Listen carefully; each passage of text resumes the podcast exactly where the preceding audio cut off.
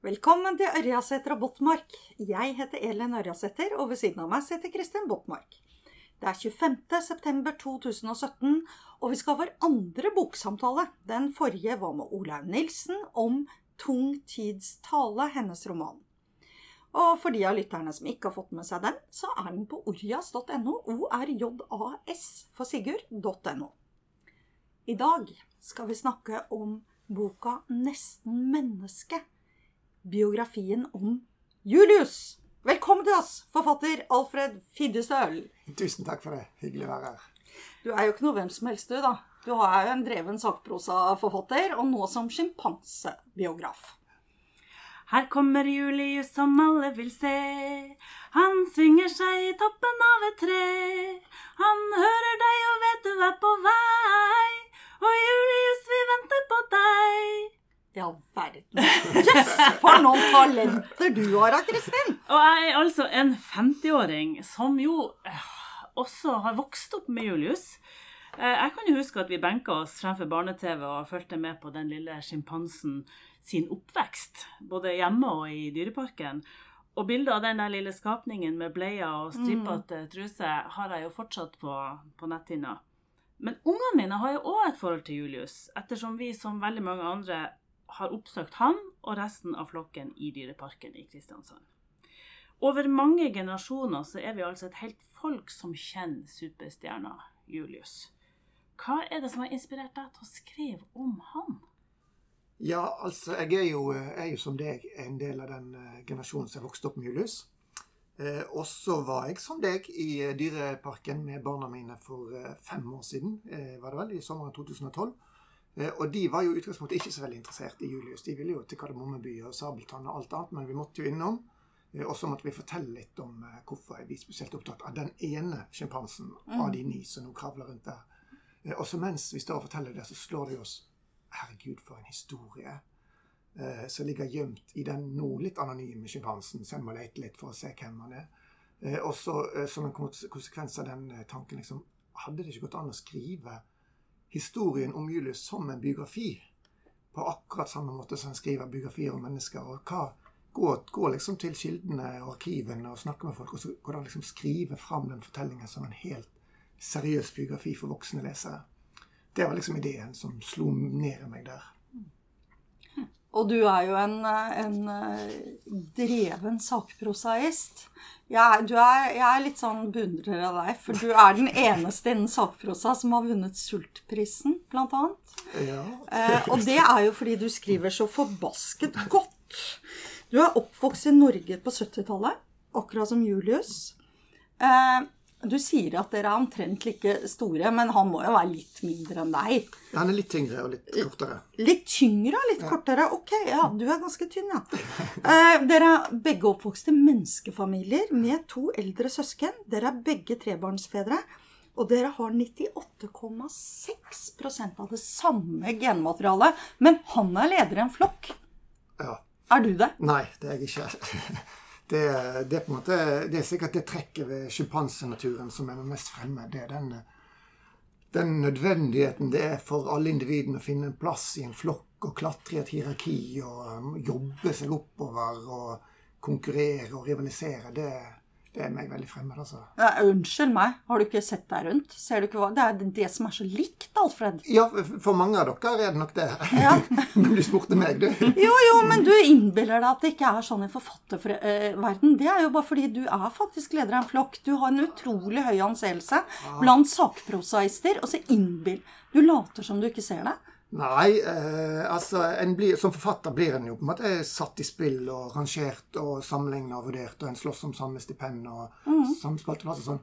Men eh, likevel, når du spør om jeg er leder i en flokk, så har en jo valgt et annet type liv når en når en f.eks. ikke prøver å gjøre karriere i arbeidslivet og bli mellomleder og leder, men når en velger å sitte hjemme på soverommet sitt, som jeg faktisk sitter for det meste, og skrive de bøkene jeg har mest lyst til å skrive det er noe tilbaketrukket og fritt, så jeg tror uh... Og det sier du som er midtpunkt i journalistgjengen og har så høy status.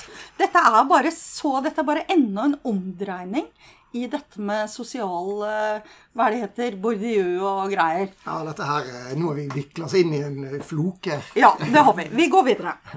Eh, Jeg leste denne boka i sommer, for eh, forlaget ditt sendte meg et prøveeksemplar. Og vet du hva? Når jeg blir så engasjert, så er det fordi denne boka engasjerer meg så utrolig. Jeg har ikke vært så engasjert i noen bok.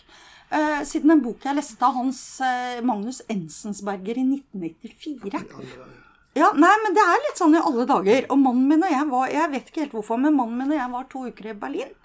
Og så trasket vi rundt i gaten og satt på fortausrestauranter og drakk vin. Og så tenkte jeg hva om jeg nå kaster meg over deg, Nils, og biter av deg fingeren? Hva er det der med å bite av fingrene som de driver med? Det, det må du ikke finne på å gjøre. Eh, ja, nei, det, det er jo faktisk en ting Det dukker jo opp mange ganger i løpet av denne boka. Det, at eh, Julius får bitt av fingeren sin, og menneskefaren til Julius, Edvard Moseth, får bitt av fingeren sin. Så de går jo begge to med avbitt pekefinger og evig sambund av det. Eh, nei, altså det, Noe av det som gjør sjimpansene til veldig fascinerende dyr, og som biografiobjekt, det er at de har noe sånn tvetydig over seg i naturen sin. At det er lett å tenke at, eh, at dyr er liksom bare uttrykk for eh, instinkt, og at de handler helt sånn respons på stimuli og sånn. Men, men sjimpansen gjør veldig tydelige valg. Skal vi være venner, eller skal vi være uvenner? Og i flokk, i dyr som kjenner hverandre kjempegodt og lever tett sammen, er veldig gode mot hverandre, bruker masse tid på å lyske pelsen til hverandre, og så plutselig oppstår det en konflikt der de er livsfarlige med hverandre, eller kan være det. Og de har jo veldig spisse tenner og, og kan skade hverandre. og der det er akkurat som de er klar over den tvetydigheten i sin egen natur. Så når hvis det oppstår en veldig sterk konflikt, så skader det hverandre kontrollert. Yes, ja. Og det er veldig typisk at en kan bite av finger eller tå. De vet at det gjør kjempevondt. Det er en ultimat ydmykelse, men det er ikke livstruende. Så om to uker kan vi likevel samarbeide om å forsvare flokken mot ytre. Så det er sånn eh, Det er en impulskontroll uten impulskontroll, på en måte. De har funnet et slags kompromiss med Utrolig fascinerende. Men du har ikke bitt eh, fingeren nå noen, og heller ut tær. Nei, jeg har passet meg godt når jeg har vært der. Det må jeg si. Vi tenker jo på dyrepark som en, en litt sånn morsom, koselig arbeidsplass. Men det er jo også en, det er jo rett og slett en farlig arbeidsplass. Eh, Og om vi da ser dyreparken i et HMS-perspektiv, eh, så er jo faremomentene mange, og risikoen for skader eh, som kan oppstå mellom mennesker og dyr, altså når vi snakker om mennesker i form av medarbeidere, så, så er jo dette noe som, som eh, er mye større fare for på denne arbeidsplassen enn på de fleste andre arbeidsplasser i Norge. Og Senest i sommer ble en 18 år gammel dyrepasser i Sverige drept av en av dyreparkens bjørner. Eh, Og en episode du forteller om, er søppelkjører Ivarsson. Kan ikke du lese den for oss? Jo, det kan jeg godt gjøre. Søndag den 20. juni 1992 om lag klokka 19.00 var Ivarsson igjen ute på den daglige runden sin. Han kjørte lastebilen omkring i parken med en kollega og den 13 år gamle sønnen sin stående på stigbrettet bakpå bilen. Det de ikke visste, var at Julius hadde rømt enda en gang. Denne gangen hadde Julius diskré sniket seg ut av tropariet og gjemt seg for alle bak suvenirkiosken. Han hadde altså venta på at klokka skulle nærme seg tida for den daglige søppelrunden. Han hadde klart å rømme fra sjimpanseøya uten å bli sett, og han hadde gjemt seg for alle mens han venta. Nå skulle han ta dem. Idet bilen passerte suvenirkiosken, bykste Julius fram. Det var kollegaen som oppdaga han først. Julius kjem! skrek han høyt. Ivarsson så Julius i bilspeilet, ble livredd for at han skulle ta sønnen hans eller kollegaen, og kjørte raskt videre. Men Julius ignorerte de to på stigbrettet og sprang videre opp langs sida av bilen. Ivarsson fikk et lite håp om at Julius kanskje var ute i et annet ærend, men Julius visste nøyaktig hva han skulle. Bilvinduet var oppe. Julius hoppa opp på bilen, tok tak i sidespeilet og svinga seg inn gjennom vinduet. Iverson stansa bilen og prøvde å holde Julius unna med venstrehånda, men Julius beit klokka av armen på han og pressa seg inn i kupeen og ned på fanget til Iverson, mellom kroppen og rattet. Iverson slo Julius alt han kunne, trefte han like over øret flere ganger, men Julius ensa det ikke. Han var sterkere og greip fatt i knyttneven til Iverson og bendte fram pekefingeren og prøvde å bite han av. Han beit til, men trefte skjevt og endte opp med å gi Iverson et arr fra tuppen av pekefingeren og ned i håndflata. Blodet spruta overalt inn i bilkupeen. Kollegaen til Iverson hadde klatra opp på taket av bilen og prøvde å hjelpe inn gjennom vinduet. Sønnen hadde sprunget fram og åpna døra på passasjersida, men fått sjokk av synet av den blodige faren i kamp med en utvoksen sjimpanse, og hadde sprunget vettskremt ned til andedammen like nedenfor dem. Iverson hylte alt han kunne av smerte og frykt, og dette kraftige brølet kan ha redda livet hans. Julius hoppa nemlig ut igjen gjennom bilvinduet, oppdaga to Securitas-vakter og sprang heller mot dem. Vaktene hadde ikke annet å gjøre enn å legge på sprang, og Julius var ikke raskere enn at de klarte å holde han bak seg. Alarmen i parken hadde gått for lengst. Enda en gang måtte dyrepasser Jan Erik Jansen rykke ut. Fremdeles var Julius tillitsfull nok til at Jansen uten vansker kunne avslutte den farlige situasjonen og trygt føre Julius tilbake til soveavdelinga. Oddvar Iversson ble kjørt direkte til Vest-Agder sentralsykehus. Ja, det er jo sterke saker du, Elin. Du. Jeg ble helt satt ut av det. Altså sønnen hans, bare bevisstheten om at han hadde med sønnen sin på jobb. Du, du Sjimpanser kan jo til og med spise små barn. Det Ja. er jo kjempefarlig. Og du forteller jo eh, i boka om flere episoder. Det er my mye dramatikk her. Eh, og tilbake til dette HMS-perspektivet, så slår det jo meg at eh, risikostyringa og hensynet til medarbeiderne sin sikkerhet kanskje ikke var like viktig som å ivareta de kommersielle interessene rundt superstjerna Julius. Vi snakka om en størrelse som da var kommersiell, like stor som a-ha om Ja. Morten Harket. Eh, eh, så det er jo en konflikt her Ja. mellom sikkerhet for medarbeidere og, og denne kommersielle interessen, hvis vi skal, og denne superstjerna, hvis vi kan kalle det det. Hva tenker du om den, dette hensynet her? Ja, eh, altså det er jo I hele Julius sitt liv er det jo en konflikt mellom de kommersielle interessene og interessene til dyret, sjimpansen Julius. Og det er på en måte Mange av hans eh, problemer med å bli integrert i flokken skyldes jo det. Og det gjelder jo egentlig en tidligere fase enn dette, men alle de årene de kunne ta han ut trygt. Eh, men i denne fasen eh, Dette er jo først og fremst et enormt HMS-problem. At et såpass farlig dyr er i stand til å rømme fem ganger. Eh, Og de har fått mange varsel da dette skjer, og dette er den farligste hendingen, men det har vært nok av farligheter før.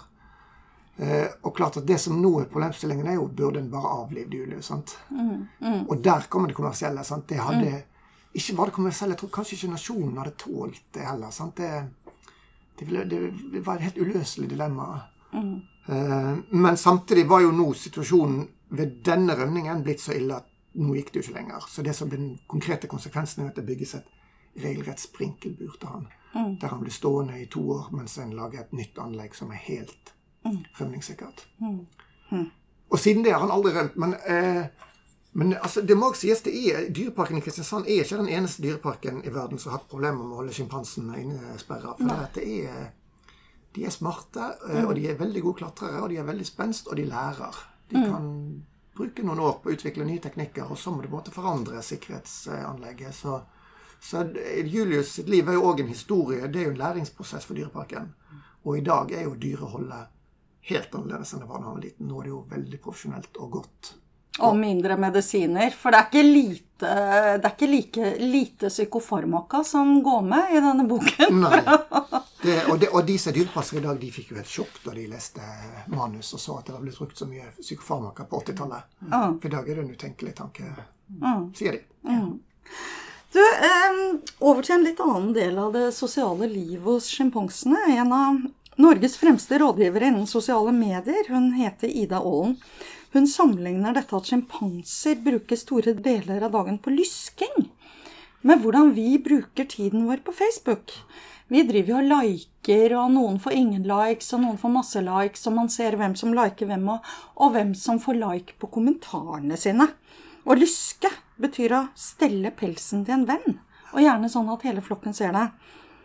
Hva, hva er det noe likheter her? Er, eh, jeg er jo besatt av tanken på at vi egentlig er sjimpanser etter å ha lest boken din. Men eh, se, hva tenker du om Jeg- dette med Facebook og liker? Jeg synes det var, jeg har ikke hørt den teorien før, jeg, men jeg syns det er veldig fikst tenkt av Ida Aalen. For at, eh, altså, I sjimpanseverdenen er det jo helt åpenbart at lyskingen det er en valuta. Ja. Eh, og det, det er noe en gjør for En gjør det òg for kosens skyld, selvfølgelig, men en kan gjøre det for å oppnå ting. Eh, en, kan, eh, en kan lyske ledersjimpansen i flokken som en, som en betaling for å få lov til å ha sex med de hundesjimpansene som er brunst. For Han har på en måte seksuell førsterett, men andre får også ha sex med dem, og da kan han tillate det hvis han blir lyska. Og jeg kan lyske for å få fatt i mat. Hvis noen har funnet noe mat som er veldig ettertrakta, så kan en selge den ved å la seg lyske. ja.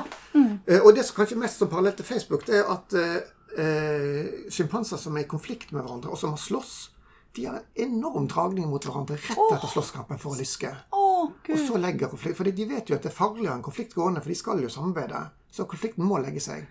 Og det syns jeg en ser ofte på Facebook, hvis noen som egentlig hører sammen. F.eks. da når Facebook-Høyre hadde noen Ja. interne disputter for noen år siden. og Det har de alltid. ja, et eller annet Hustad Rollnes røk sammen om et eller annet stort. husker ikke hva det gjaldt engang. Og da blir det veldig, da kommer tommeltotten i bruk de kommende ukene, for da skal det legges igjen. sant? Da lysker en hverandre. Så den måten en liksom iler til og liker hverandre igjen når noe skal legge seg, den har vi, har vi tydelig Deler vi med vår næreste slektning i naturen. Det tror jeg vi kan. Vet du Jeg rødmer nesten når jeg tenker på de gangene jeg intenst har liket folk som jeg har hatt krangler med. Ja, men det, det, det er jo et veldig effektivt eh, virkemiddel i sjimpanseverdenen, så hvorfor ikke, hvorfor ikke ta lærdom og være stolt av at du bruker en strategi som fungerer? Men det er veldig ydmykende hvis du har kranglet med noen, og så begynner du å lyske dem intenst for å retvitre det de har skrevet og sånn, og så blir man helt ignorert. Ja, det, Det ja, det bør helst være gjensidig for at det skal føles. Ja, Ja. Ja. Mange såre erfaringer der. Mm.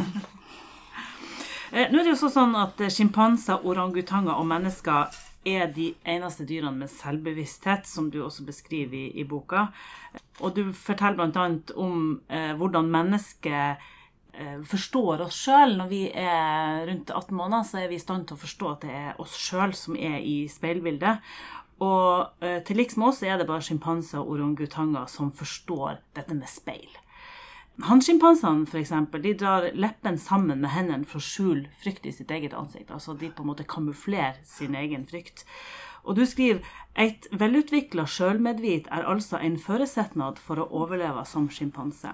Og det er jo, eh, når vi da, Elin og jeg som jobber med lederskap, eh, så begynner det å ligne på noe som lederutvikleren og psykologiprofessoren Pearl Moxnes beskriver som emosjonell intelligens.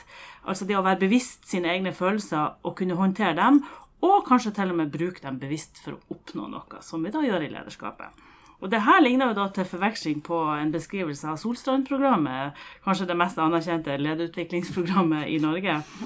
Og da er vi over på temaet bedriftsledelse, om enn i en smule overført betydning. For å få etablert et godt lederskap i sjimpanseflokken, det var en svær utfordring for Dyreparken, var det ikke? Jo, det har de slitt med i flere omganger. Mm. Jeg må bare si aller først at, det der, eh, at vi er de eneste dyrene som eh, forstår speil og selvbevissthet. Det er vi ikke lenger. Det er flere dyr som noen kråkefugler til og med, og, og delfiner og sånn. Så det er noen andre dyr som Men eh, vi var lenge de eneste pattedyrene som besto den konkrete speiltesten som tas. Eh, Men, men ja, det, dette her eh, Og dette er på en måte dette er jo sjimpansenes store styrke og den sosiale intelligensen. Det er der de er sterkest. De, er ikke, de er egentlig ikke så imponerende på sånn teknisk intelligens og sånn sammenlignet med noen andre dyr. Men sosial intelligens og forstå hvordan de sjøl framstår i en flokk, og, og sånn, der er de veldig skarpe. Eh, og så er det jo problemet i en dyrepark er jo at der er det jo Det er kanskje på det området en dyrepark er mest kunstig. Det er at flokken er for liten. Ja. Eh, Og det er på en måte ikke reell kamp om ledelsen, men dyreparken bare bestemmer, definerer, henter en sjimpanse og sier du er leder.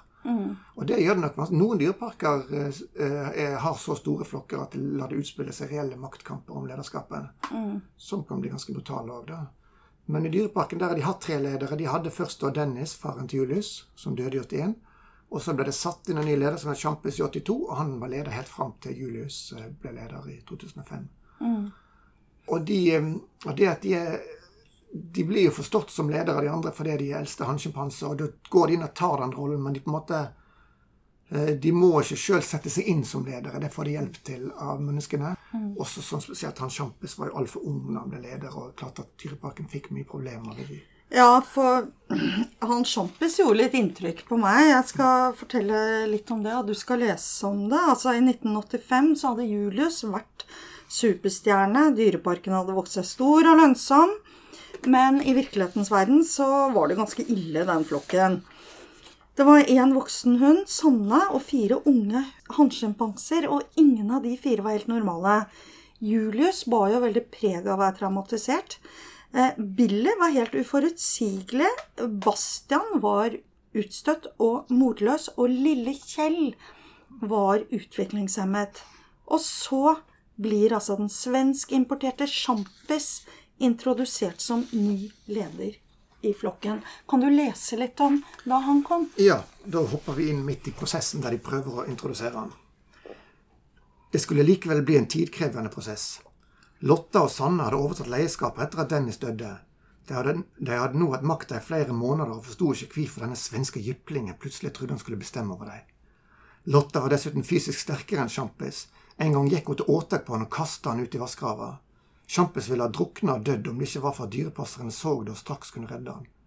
Sjampis ble fysisk nedbråten av psykiske ulager og fikk et stressrelatert vorteutbrudd i munnslimhinna, som legen Billy Glad analyserte og skildret i en forskningsartikkel i et amerikansk primatologitidsskrift. Dyreparken hadde trodd hosjimpansene skulle akseptere Sjampis fordi han var så ung, men planen slo feil. Dette kom til å ta tid, innså de nå. Strategien ble å splitte opp flokken slik at Sjampis bare fikk være i lag med noen få av gangen til alle var blitt så vane med hverandre at flokken kunne samles. Sammenlignet med ville sjimpanser var Sjampis altfor ung til å bli leder, men i Kristiansand var han den eldste av hannsjimpansene. De tilsatte hjelpte han med å vinne leieposisjonen, men Sjampis måtte likevel kjempe for å holde på posisjonen, og valgte en brutal linje for å sette seg i respekt. En av de første gangene Sjampis fikk være i lag med hele flokken som ny leder, gikk han til åtak på Stakkars Kjell, og reiv opp analslimhinna hans. Sjampis, som den største og eldste hannen, går altså foran alle de andre løs på den aller minste og mest hjelpeløse og river han opp i baken. Det er litt av noen dyr, dette her. Ja, de er, de er som jeg sa i sted, de er tvetydige. Altså, for det at eh, de, er, de, kan være veldig stygge mot hverandre. Og her er Det noe sånn, det er ikke tilfeldig at han går på den svakeste og den som skiller seg. Det er, noe sånn, det er en sånn forakt for svakhet som kan uh, vise seg. Uh, og det er jo heller ikke første gangen faren til Julius Antagelig, det vet jeg ikke sikkert. Han uh, drepte jo en sjimpanseunge som hadde avvikende atferd mm. før Julius ble født. Mm. Så, så, at sånne ting skjer i en flokk, mm. det ja, det skjer rett og slett. Og det skjer òg i naturen. altså. Det er Uh, og, det, og, hvorfor det skjer, kan være vanskelig å si. Disse som forsker på villsjimpanser og følger flokker, hvorfor det plutselig bryter ut sånne brutale uvennskap i flokker som har levd sammen i årtier og vært venner. Det, det, er en del av det fascinerende, tvetydige sjimpansene. Mm. Og dette må jo Dyreparken håndtere. Uh, så her er jo, uh, Hvis du skal overføre dette til arbeidslivstenkninger igjen, så er det psykososiale miljøet i denne flokken er en kjempeutfordring for, for, Dyreparken og selvfølgelig for dyrene sjøl. Og så ble det satt ned ei arbeidsgruppe eh, som rett og slett hadde til oppgave å vurdere om eh, de rett og slett måtte slutte med sjimpanser hvis ikke de klarte å finne tiltak som kunne bedre miljøet i flokken. Kan ikke du lese litt om det også for oss? Jo, ta et lite avsnitt. Dette er altså møtet i denne arbeidsgruppa. I to timer diskuterte de. Grete Svendsen mente at situasjonen med sjimpansene er håpløs. Men de ble samlet om å prøve videre. Sjimpansestellet måtte prioriteres opp og profesjonaliseres. Konkret ble løsninga at Bastian ble tatt ut av flokken, at Sjampis ble sett på den sterke psykiatriske medisinen Haldol, og at det ble satt i verk aktiviseringstiltak som å spraye honning og rosiner utover fjellet på innendørsanlegget. Bastian ble først isolert i et eget bur, der dyrepasseren Hilde Gro Hummervoll fikk ansvaret for han. Da hun etter flere måneders arbeid hadde vunnet den naudsynte tilliten, levde hun som fostermor for Bastian, etter modell av Moseid og Glad. Vekebladet kasta seg over saka og satte sin lit til at Julius kom til å ta seg av Bastian når han en gang skulle komme tilbake til flokken. Det var lett å tenke seg at Julius kanskje huksa og forsto hva det ville si å være utstøtt av denne flokken. Kanskje noe rører seg i Julius sitt apehjerte når han ser den morløse lille skapningen, spekulerte Aftenposten. I det offentlige Julius-narrativet ville dette være ei vakker vending, som aviser og ukeblad ville vite og verdsette. I den faktiske sjimpanserøynda skulle en reintegrasjon av Bastian vise seg å bli umulig. Hva skjedde så med Bastian? Eh, ja, han Hvordan gikk det med han? Eh, nei, Det interessante var jo at når han ble prøvd satt inn igjen i flokken, så prøvde de denne strategien med at Julius skulle passe han og så var Julius så god mann og satt og stelte han, og dyrepasserne skrøt av Julius. Og så med en gang dyrepasserne gikk, så beit han og lugga han. Oh, fy flott. Og så kom de tilbake, og så satt han og klappa han og strøyka han. Og da skjønte de etter hvert at Julius bare brukte Bastian som en sånn eh, Kapital? Babycall, nærmest, for å bli voksen til å komme. Oh. Han skulle ha oppmerksomhet, han. Sånn han koste med Bastian, og da kom det? Ja, han ville, ja. Og så når de gikk, så bare tenkte han Bastian fy fader, for en fæl fyr. Jo, men det var, det var menneskeoppmerksomhet Julius skulle ha. Det er det som er hans ytterste, ultimate belønning. Ja. Og det var en måte han fikk de til å komme på. Og så fikk han være med mennesker igjen. Og så, så han reagerte vel Han hadde det som sitt ytterste mål. Men, men så ble Bastian ble sendt til eh, overført til en annen dyrepark. Ja, Han ble eksportert til Sverige, rett og slett. Sammen med en som het Mardon i, i Kristiansand, som er faktisk Julius sin bror. Eh, og som i Sverige ble hetende Ola, og som ble en parallell Julius-historie i Sverige. Som havna på svensk barne-TV, og som spilte teater. Ola, lille Ola. Men, men Ja. Billy og Kjell de ble jo avlivet, rett og slett. Ja.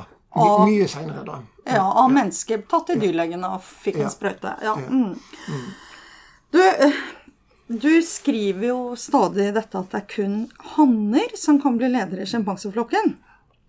Mens kvinner nok må være mødre eller, eller greie med hannene.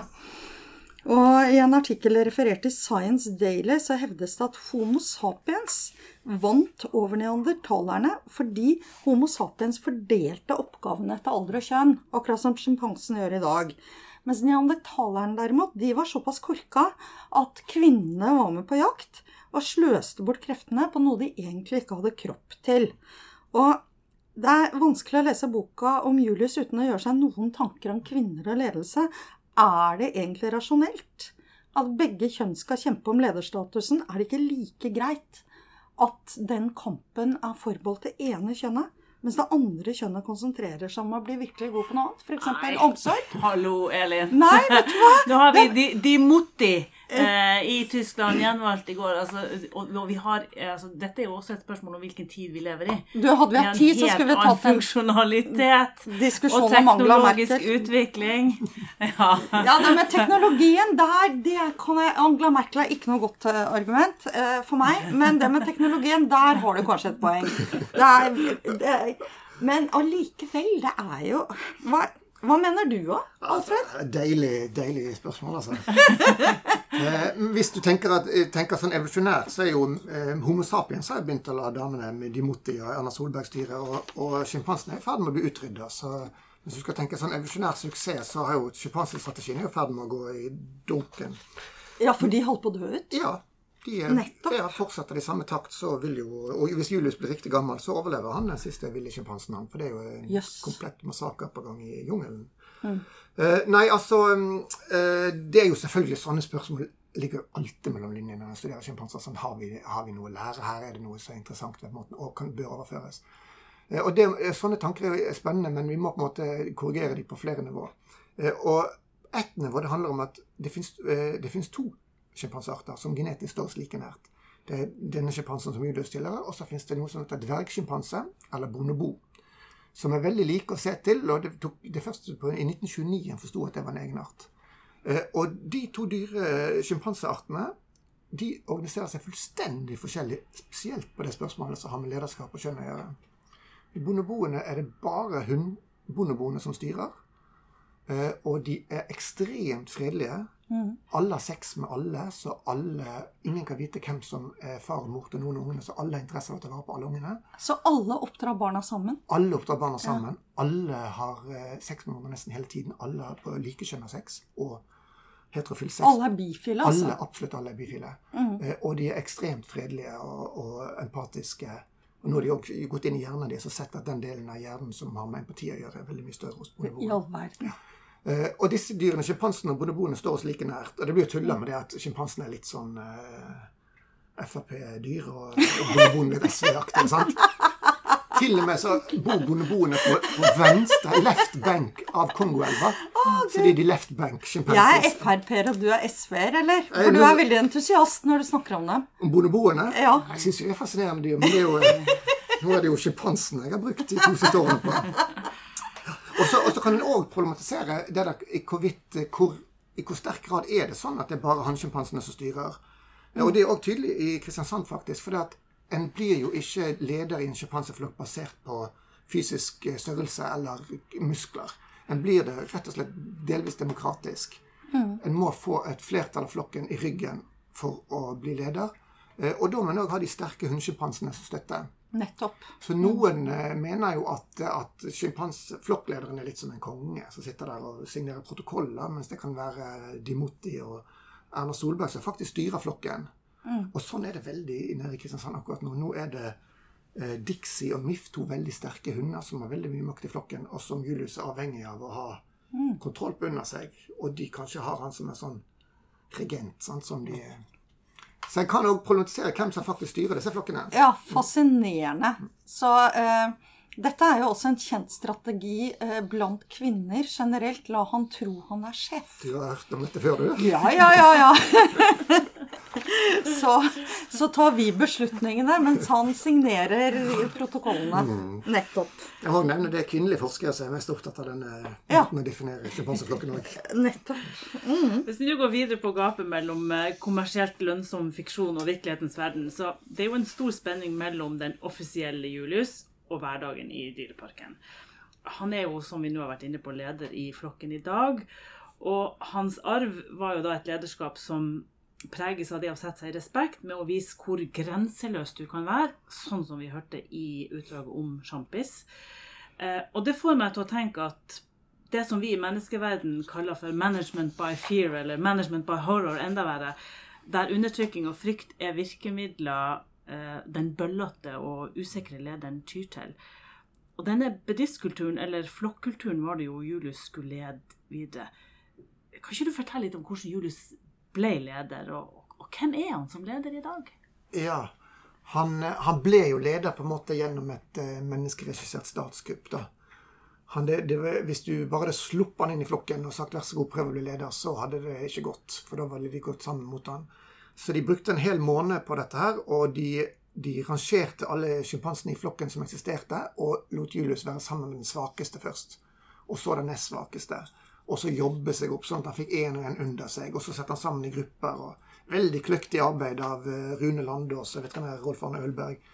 Eh, Og sånn klarte de på en måte å sette han inn som leder. Men når han først er leder, så må han være det. Eh, Da kan han ikke på en måte støtte seg bak at noen mennesker vil at han skal være det. Og, og der, det management by horror, det er nok eh, navnet på sjimpanselederskap. Altså, ikke, det trenger ikke være så brutal som det vi leste fra Champis sin tidlige fase, da, før han ble en mer funksjonell leder. Men, men en må være, en må, hver dag må en ta noe som heter imponeringsløp. Der en rett og slett ja, det, det kaller vi det i Norge. Det er at du raser fram og tilbake. Mange av gjestene i Dyreparken vil jo se det hvis en kommer på rett tidspunkt. Og da, eh, da gjør Julius seg så stor han kan, og så får han hårene til å reise seg på hele kroppen, så står han og preser litt, og så løper han litt fram og tilbake. Det ligner på sånn som fotballspillere hvis de skal til Ja. et viktig mål. Sant? Løper og brøler litt før de Mm. kan være med de andre. Mm. Eh, og så må en jo eh, være kontant når det er konflikter, da. Mm. Og hvis en gjør det innimellom, så tror ikke jeg en trenger å være sånn så veldig skremmende leder. Da kan en Og Julius han er nok en roligere leder og mer tolerant med bråk fra de små og sånn enn tidligere ledere. Mm. Men en må spille det spillet. En kan ikke si, komme og si at jeg er en ny type leder og har lest lederteori hos noen som sier at en skal være en kompisleder eller noe sånt. Det er et eksperiment. Det er så fascinerende. Ja, her kunne vi jo fortsatt eh, langs dette ledersporet ganske lenge, men, eh, og, og vi får jo noen assosiasjoner til eh, Vårt eget fag. og jeg får jo bilder i hodet mitt også både av eh, ja, ledere som jeg tenker på, på si både på, som er, som er relevant inn i denne sammenhengen her, som både go gode eksempler eh, på, eh, på ledere, og kanskje noen som, eh, som ligner litt mer på de som må ta imponeringsløp, eh, som vi kanskje ikke trenger så mye i menneskeverden, men som jo allikevel er noe vi har på en måte integrert i lederskapet vårt. Jeg syns det er litt flott med, Med de imponeringsløpene. Ja. Nei, jeg, og nei. Ja, det ikke er flott, er når de begynner å denge den svakeste og sånn. Men et sånt lite imponer, daglig imponeringsløp, det er sansen for. Um, men uansett hvor eh, interessant det hadde vært å fortsette i det sporet der, så eh, løper tiden. Um, og Ørjasæter og Bottenmark, vi takker Alfred Fiddistøl for at du tok deg tid til å dele tanker om nesten mennesket med oss. Eh, og vi sender deg og Bunka ut av studio med de aller beste lykkeønskninger. Og du Elin er vel helt unison med deg sjøl og alle Ja, ja, løp vet- og kjøp? Ja, vet du hva? Løp og kjøp. Den fins i alle nettbokhandler. Det er den perfekte julegaven til far. Jeg har jo funnet ut at det jeg blir begeistret for, det er ofte veldig sånn mannlige ting. Dette er, Denne boken kommer far til å elske. Det samme litt større tenåringer, tenker jeg. Eller nei, de kanskje for De hadde kanskje ikke alle som hatt Julie som barn. Og som har litt sånn sansen for hva var egentlig virkeligheten. Vil jo elske denne boka. Eh, så skal vi, før vi avrunder, også eh, minne om Olaug Ola Nilsen og hennes roman 'Tung tids tale', som var vår forrige eh, podkast. Og på orjas.no, orjas for Sigurd.no, så finner du både den saken og denne saken med lenker. Minner om Nå blir jeg litt sånn på selgeren. Minner om at disse sakene går det an å dele med venner og kjente. Ja, det var vel det jeg skulle si. Ja, det var eh, reklamen. Ja. Eh, og så helt til slutt, Alfred. eh, jeg syns du skal avrunde denne samtalen med å lese litt for oss. Ja, det gjør jeg gjerne. Det var veldig kjekt å være her, altså. Eh, Og da, siden du nevnte jul, så tenkte jeg kunne lese et lite avsnitt fra jula 1981, som er et tidspunkt i Julius sitt liv der han er, egentlig skal være ferdig med å være blant mennesker. Han er flytta inn i et eget bur i eh, dyreparken. Eh, og så er det vanskelig for menneskene å være alene uten han. Det er noen som savner han, med litt familie i Vennesla. Heller ikke Moseid-familien gikk jula sorgløst i møte. For første gang skulle Julius være i lag med medskapninger i jula. Ane og Siv trodde ikke det var sant. Det gikk ikke an å feire jul uten Julius. Men pappa forklarte at nå måtte de være konsekvente. Julius hadde vært nesten menneske i to år. Nå starta jobben med å gjøre han til hel sjimpanse. De kunne ikke latt en sjimpanse feire menneskejul. Jamvel regionavisa Fedrelandsvennen syntes det var merkelig. Julius feirer jul blant sine egne, sto det i et stort oppslag vesle julaften 1981. Dagen etter freista de å lage julestemning så godt de kunne i familien Moseid. De prøvde å glemme den vesle sjimpansen for en dag. Han hadde det sikkert fint i dyreparken. Han var jo et dyr, og ante ikke at det var jul. Men utpå ettermiddagen, på selve julaften, da freden skulle senke seg og lukta av svineribbe fylte stova, og Vennesla kyrkje skima inn høgtida, sneik Edvard Moseth seg ut. Han hadde et ærend på jobben. Ikke lenge etter satt den blauthjerta dyreparkdirektøren i Volvoen sin på vei hjem igjen fra dyreparken. Han kjørte på en knapt trafikkert E18 på den stilleste dagen i året. Det var fire minusgrader og tett snødrev i lufta. I passasjersetet satt, kravla og hoppa en to år gammel og vilt lykkelig sjimpanse. Julius skulle hjem til jul. Jentene kunne ikke være triste denne kvelden. Billig glad ringte Edvard Moseth for å ønske god jul, og hørte straks på Moseths stemme at han hadde dårlig samvitt for noe. Du har vel ikke vært og henta Julius? spurte Billig glad forskrekka. Jo, jeg har vel det, vedgikk Moseid. Fedrelandsvennen fikk rett. Julius feirer jul blant sine egne.